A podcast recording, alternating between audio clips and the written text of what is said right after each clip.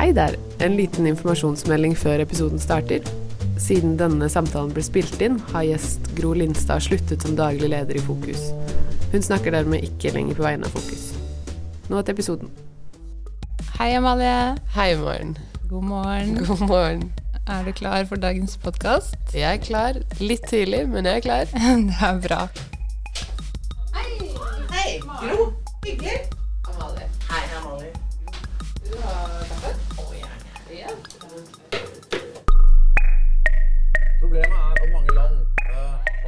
Stater som har altfor høy gjeld. Man fortsetter et system ved å dytte inn mer penger i et bunnløst hull hvor gjelda faktisk stiger. Problemet er Argentina's financial crisis has been festering for 15 years. Stadig tøffere og tøffere og tøffere over disse landene.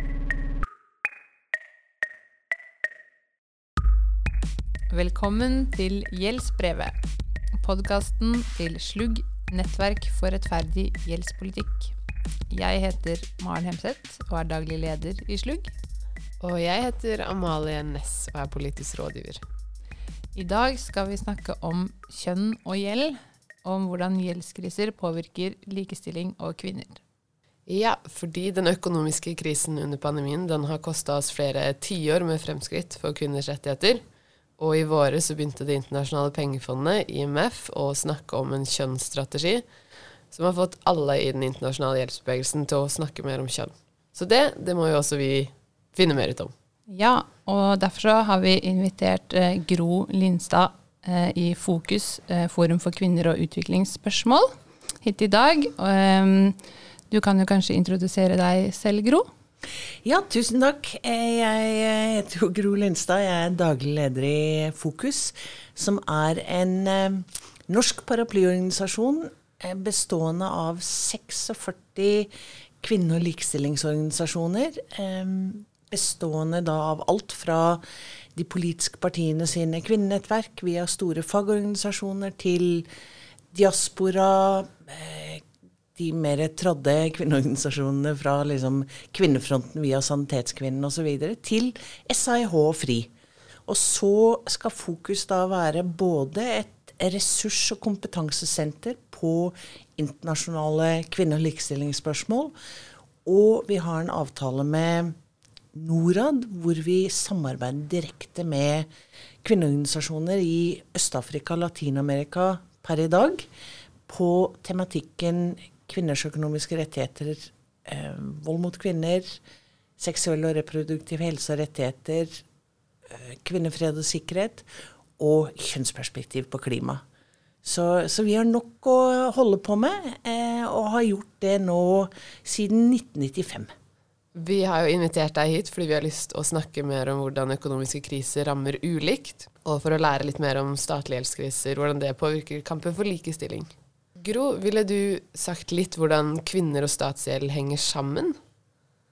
Ja, det kan jeg godt gjøre. Fordi em, når em, staten har gjeld, og når eh, for den saks skyld eh, internasjonale strukturer som IMF eller Verdensbanken kommer inn, så definerer de hvor staten må inn og kutte for at de skal kvalifisere til å få hjelp. Og da kuttes det veldig ofte i offentlige tjenester, som da rammer kvinner i mye større grad enn menn, også fordi eh, de aller fleste som jobber i offentlig sektor, er kvinner.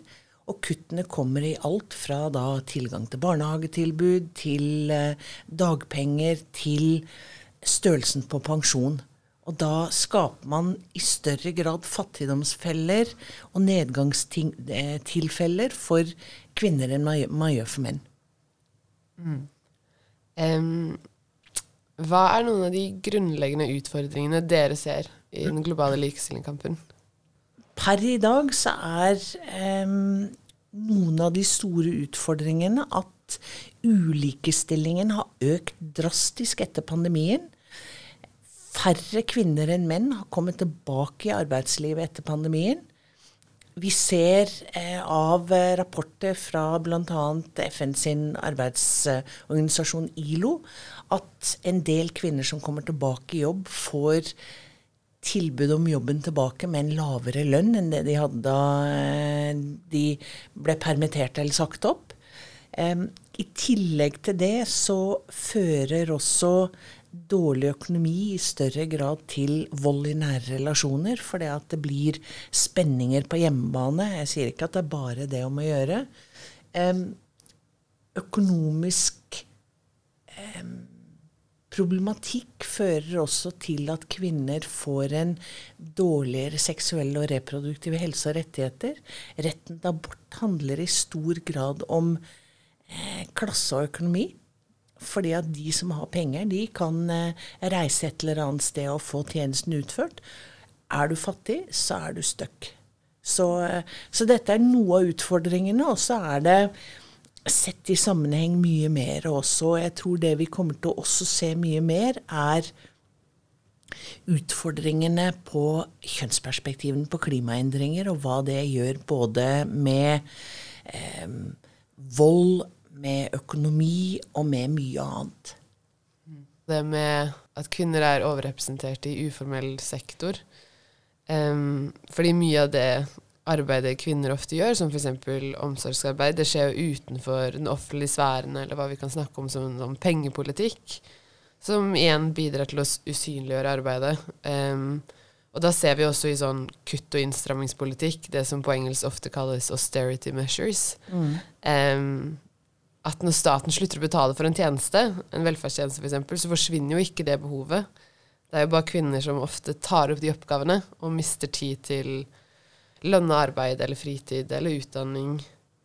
Um, det med at kvinner ofte eh, jobber eller gjør oppgaver som usynliggjøres, eh, er det en utfordring i arbeidet dere gjør? Ja, absolutt. Sånn som det er i dag, så er det fremdeles sånn at tre fjerdedeler av alt ubetalt arbeid gjøres av kvinner. Um, i snitt globalt så uh, tilsier det fire timer og 25 minutter daglig. Mens for menn så er det 1 time og 23 minutter.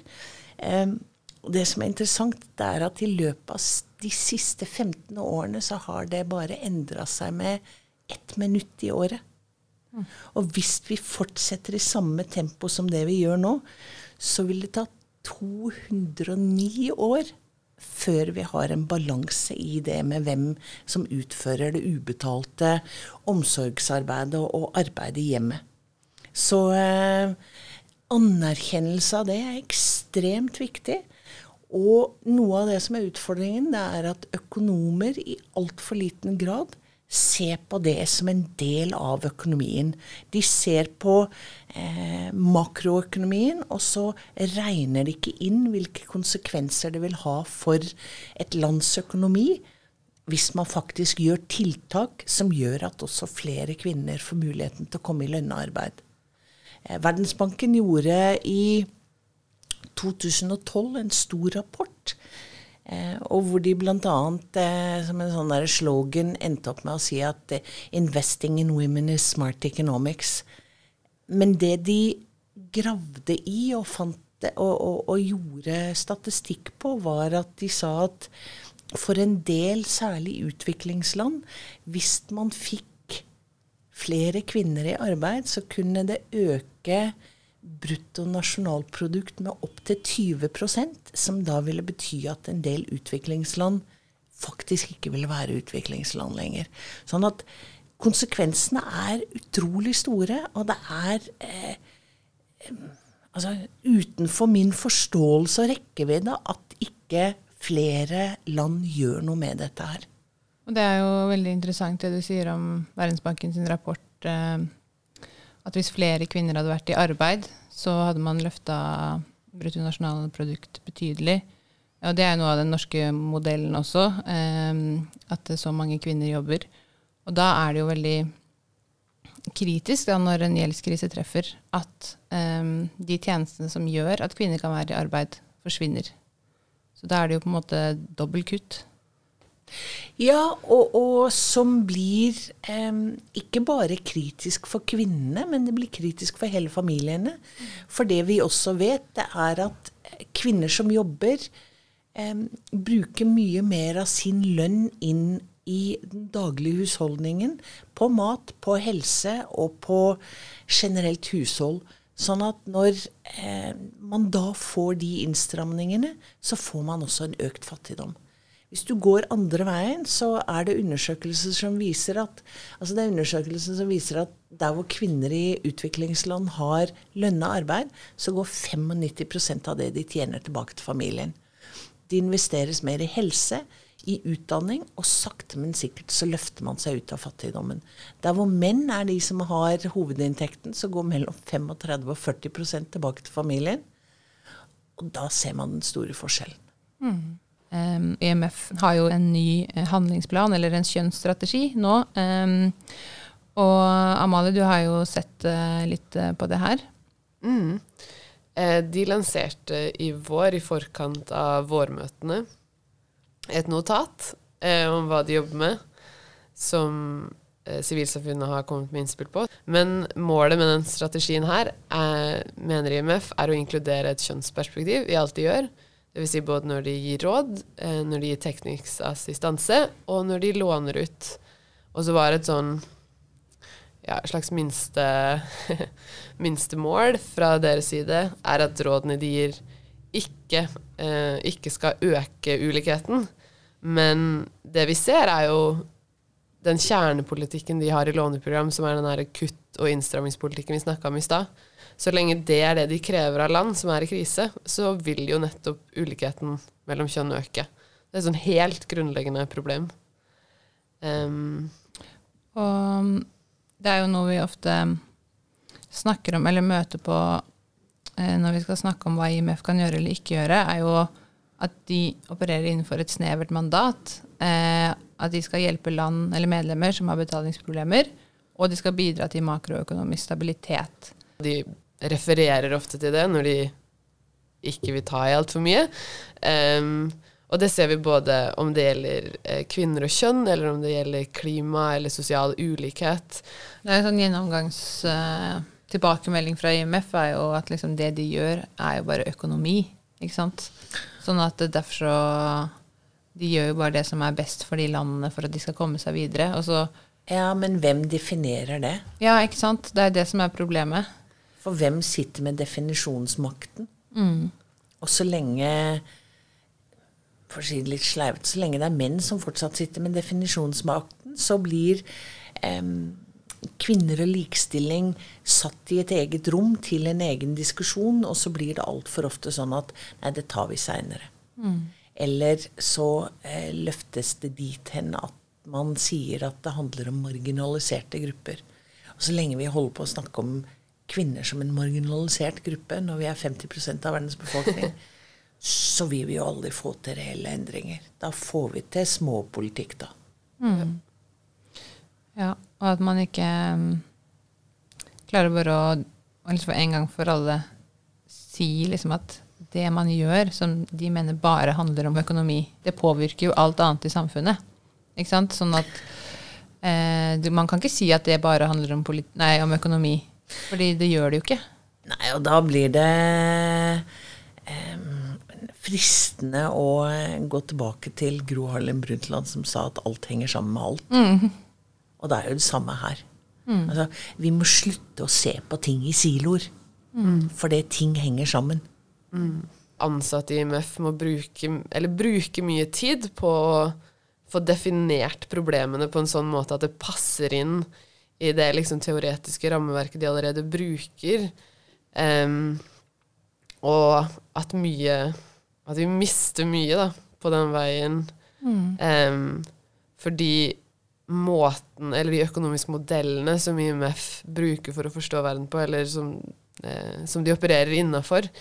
Eh, mange vil jo si at det ligger et problem allerede der. At, eh, som vi snakka om i stad, at kvinner usynliggjøres, eller forholdene som påvirker kvinner eh, og skaper den ulikheten, er liksom innbygd eh, i den måten å se verden på, se økonomien på. Mm.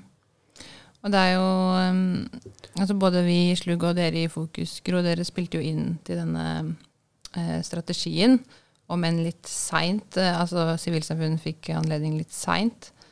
Men vil du si noe om, om deres innspill eh, til IMF, og også noe om hvor, liksom, hvor viktig er det at IMF, en aktør som IMF har en sånn strategi, eh, og eh, om de faktisk liksom i praksis følger den eller ikke. Det gjenstår kanskje å se med akkurat denne, da, men historisk. Ja, altså for det første så, så eh, var jo fokus eh, med på eh, en, eh, et brev først styret til styremøtet i februar, hvor da styret fikk seg dette forelagt, hvor vi var eh, kvinneorganisasjoner, feminister fra hele verden, som mente at IMF måtte ha et kjønnsperspektiv på hele politikken sin og hele arbeidsområdet sitt på en helt annen måte. Enhver politikk, enhver diskusjon er avhengig av en kjønnsanalyse, fordi at økonomisk politikk rammer kvinner og menn ulikt. Et annet innspill um, som sivilsamfunn kom med, var jo også at IMF, for å få fortgang i prosessen, eh, må trekke på den kunnskapen som allerede finnes. For det finnes jo nettverk med feministiske økonomer som de kan koble seg på hvis de ikke bare vil koble seg på sivilsamfunnsorganisasjoner. Em, vil du sagt noe mer om det? Ja, det fins jo allerede mye litteratur skrevet av spennende og dyktige feministiske økonomer. Til eh, lytterne så kan jeg bl.a. si eh, les Diane Elson, som er en kjempespennende økonom som har gjort veldig mye. Og med henne så fins det mange andre. Gå inn og søk opp det som heter International Association for Feminist Economics, som også eh, gjør veldig mye og har eh, eh, samlinger hvor de setter seg ned og diskuterer bredere. Eh, så det er veldig mye spennende som skjer. Noe av utfordringen er at eh, disse dyktige kvinnelige økonomene, feministene, de brukes altfor sjelden. Det var jo et eh, tredje innspill som Sivilsamfunnet har kommet med, at eh, man må ettergå alle sånne låneprogrammer for å eh, se helt konkret hvordan det rammer ulikt. Også for å ta, ta tak i da, hvordan den kjernepolitikken eh, får noen sånn Får de konsekvensene da, ved å være så kjønnsblind som den er. Ja, og, og det Det er jo ikke første gangen vi sier det. Altså, det er jo Dette er ikke noe nytt. Dette er noe som har vært sagt og spilt inn og repetert så mange ganger. Og så er det sånn at de endringene man gjør, de er altfor ofte på et mikronivå. Det er ett ord som går igjen når man snakker om kvinner og økonomi. Og det er ordet mikro. Ja. Kvinner får mikrolån og mikrokreditter og mikrobanker, og så lenge man ikke klarer å heve det opp på makro, så får du jo ikke til likestilling. Nei. Em, men når vi sitter og snakker om IMF og kjønnsstrategien deres um, på innspills... Eller på møter i våres, når de fikk respondere også med sivilsamfunn om kjønnsstrategien, så understrekte de jo at de ikke var en så viktig institusjon som, eh, som kanskje vi mener, da. Eh, Ja, det er jo en måte å underspille sin egen viktighet på for å distansere seg fra å ha en prosess som har vært så svak. Eh, ved å si ja, vi er ikke så viktige, vi, og det er andre som er viktigere oss. Men det er klart at så lenge IMF sitter med den tunge labben de gjør, og har muligheten til å så tydelig definere hva ulike land skal gjøre som får støtte, så kan de ikke fortsette å underspille rollen sin. Noe av grunnen til at Norge er rike, er ikke oljen, men det er fordi det er så mange kvinner som er i arbeid. Så at vi ikke kan klare å overføre det vi er så flinke til å skryte av i Norge i festtaler, ut i styret til IMF og si for å få dette til andre, land, i andre land, så må man gjøre sånn og sånn og sånn. Dette er noe som kommer til å ta tid, men begynn nå i hvert fall med det. Men eh, hva kan vi gjøre for å passe på at denne kjønnsstrategien faktisk blir et steg i riktig retning? Det viktigste er at den ikke blir en papirtiger. At det faktisk blir et levende dokument som IMF skjønner at de må jobbe sammen med andre for å gjennomføre. Eh, og de må tilføre personalressurser i IMF, sånn at det ikke blir én person som nå sitter og har hatt ansvaret for prosessen, som også blir den som skal følge den opp. Og så må man i mye større grad se at man må jobbe sammen med andre aktører for å se helheten. Man må jobbe sammen med FNs eh, arbeidsorganisasjon, altså ILO. Man må jobbe sammen med UN Women. Man må jobbe sammen med sivilsamfunnsaktører. IMF eh, må jobbe sammen med eh, f.eks. denne eh, sammenslutningen av kvinnelige økonomer. Og så må man se det i sammenheng med FNs kvinnekonvensjon, som de aller fleste landene i verden har ratifisert, og som også sier noe om kvinners økonomiske rettigheter. Og så må den implementeres på landnivå. Den må ikke bare være et dokument i hovedkvarteret i Washington. Den må ned og ut. Og det er jo en utfordring man ser så veldig ofte, at IMF-ledelsen sier sånn 'Dette er viktig', og så kommer det ikke inn i låneprogrammene. Nei, og det er jo noe av utfordringen, ikke sant? At em, man etter hvert kommer med så mange prioriteringer at det blir vanskelig å prioritere prioriteringene. Um, så eh, det må en tydelighet til, og så må kanskje IMF også rydde i em, ting de har sagt tidligere, for å tydeliggjøre hva er det som er viktig nå. Takk for samtalen, Gro. Det har vært ordentlig spennende. Tusen takk for at jeg fikk lov til å komme. Det er uh, hyggelig å få lov til å diskutere noe som uh, er viktig for fokus, og som uh, jeg sitter her og har blitt veldig engasjert av.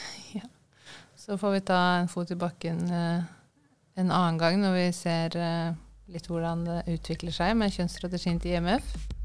Se om du faktisk følger den opp. Dere kan følge oss i sosiale medier og abonnere på podkasten for å ikke gå glipp av neste episode.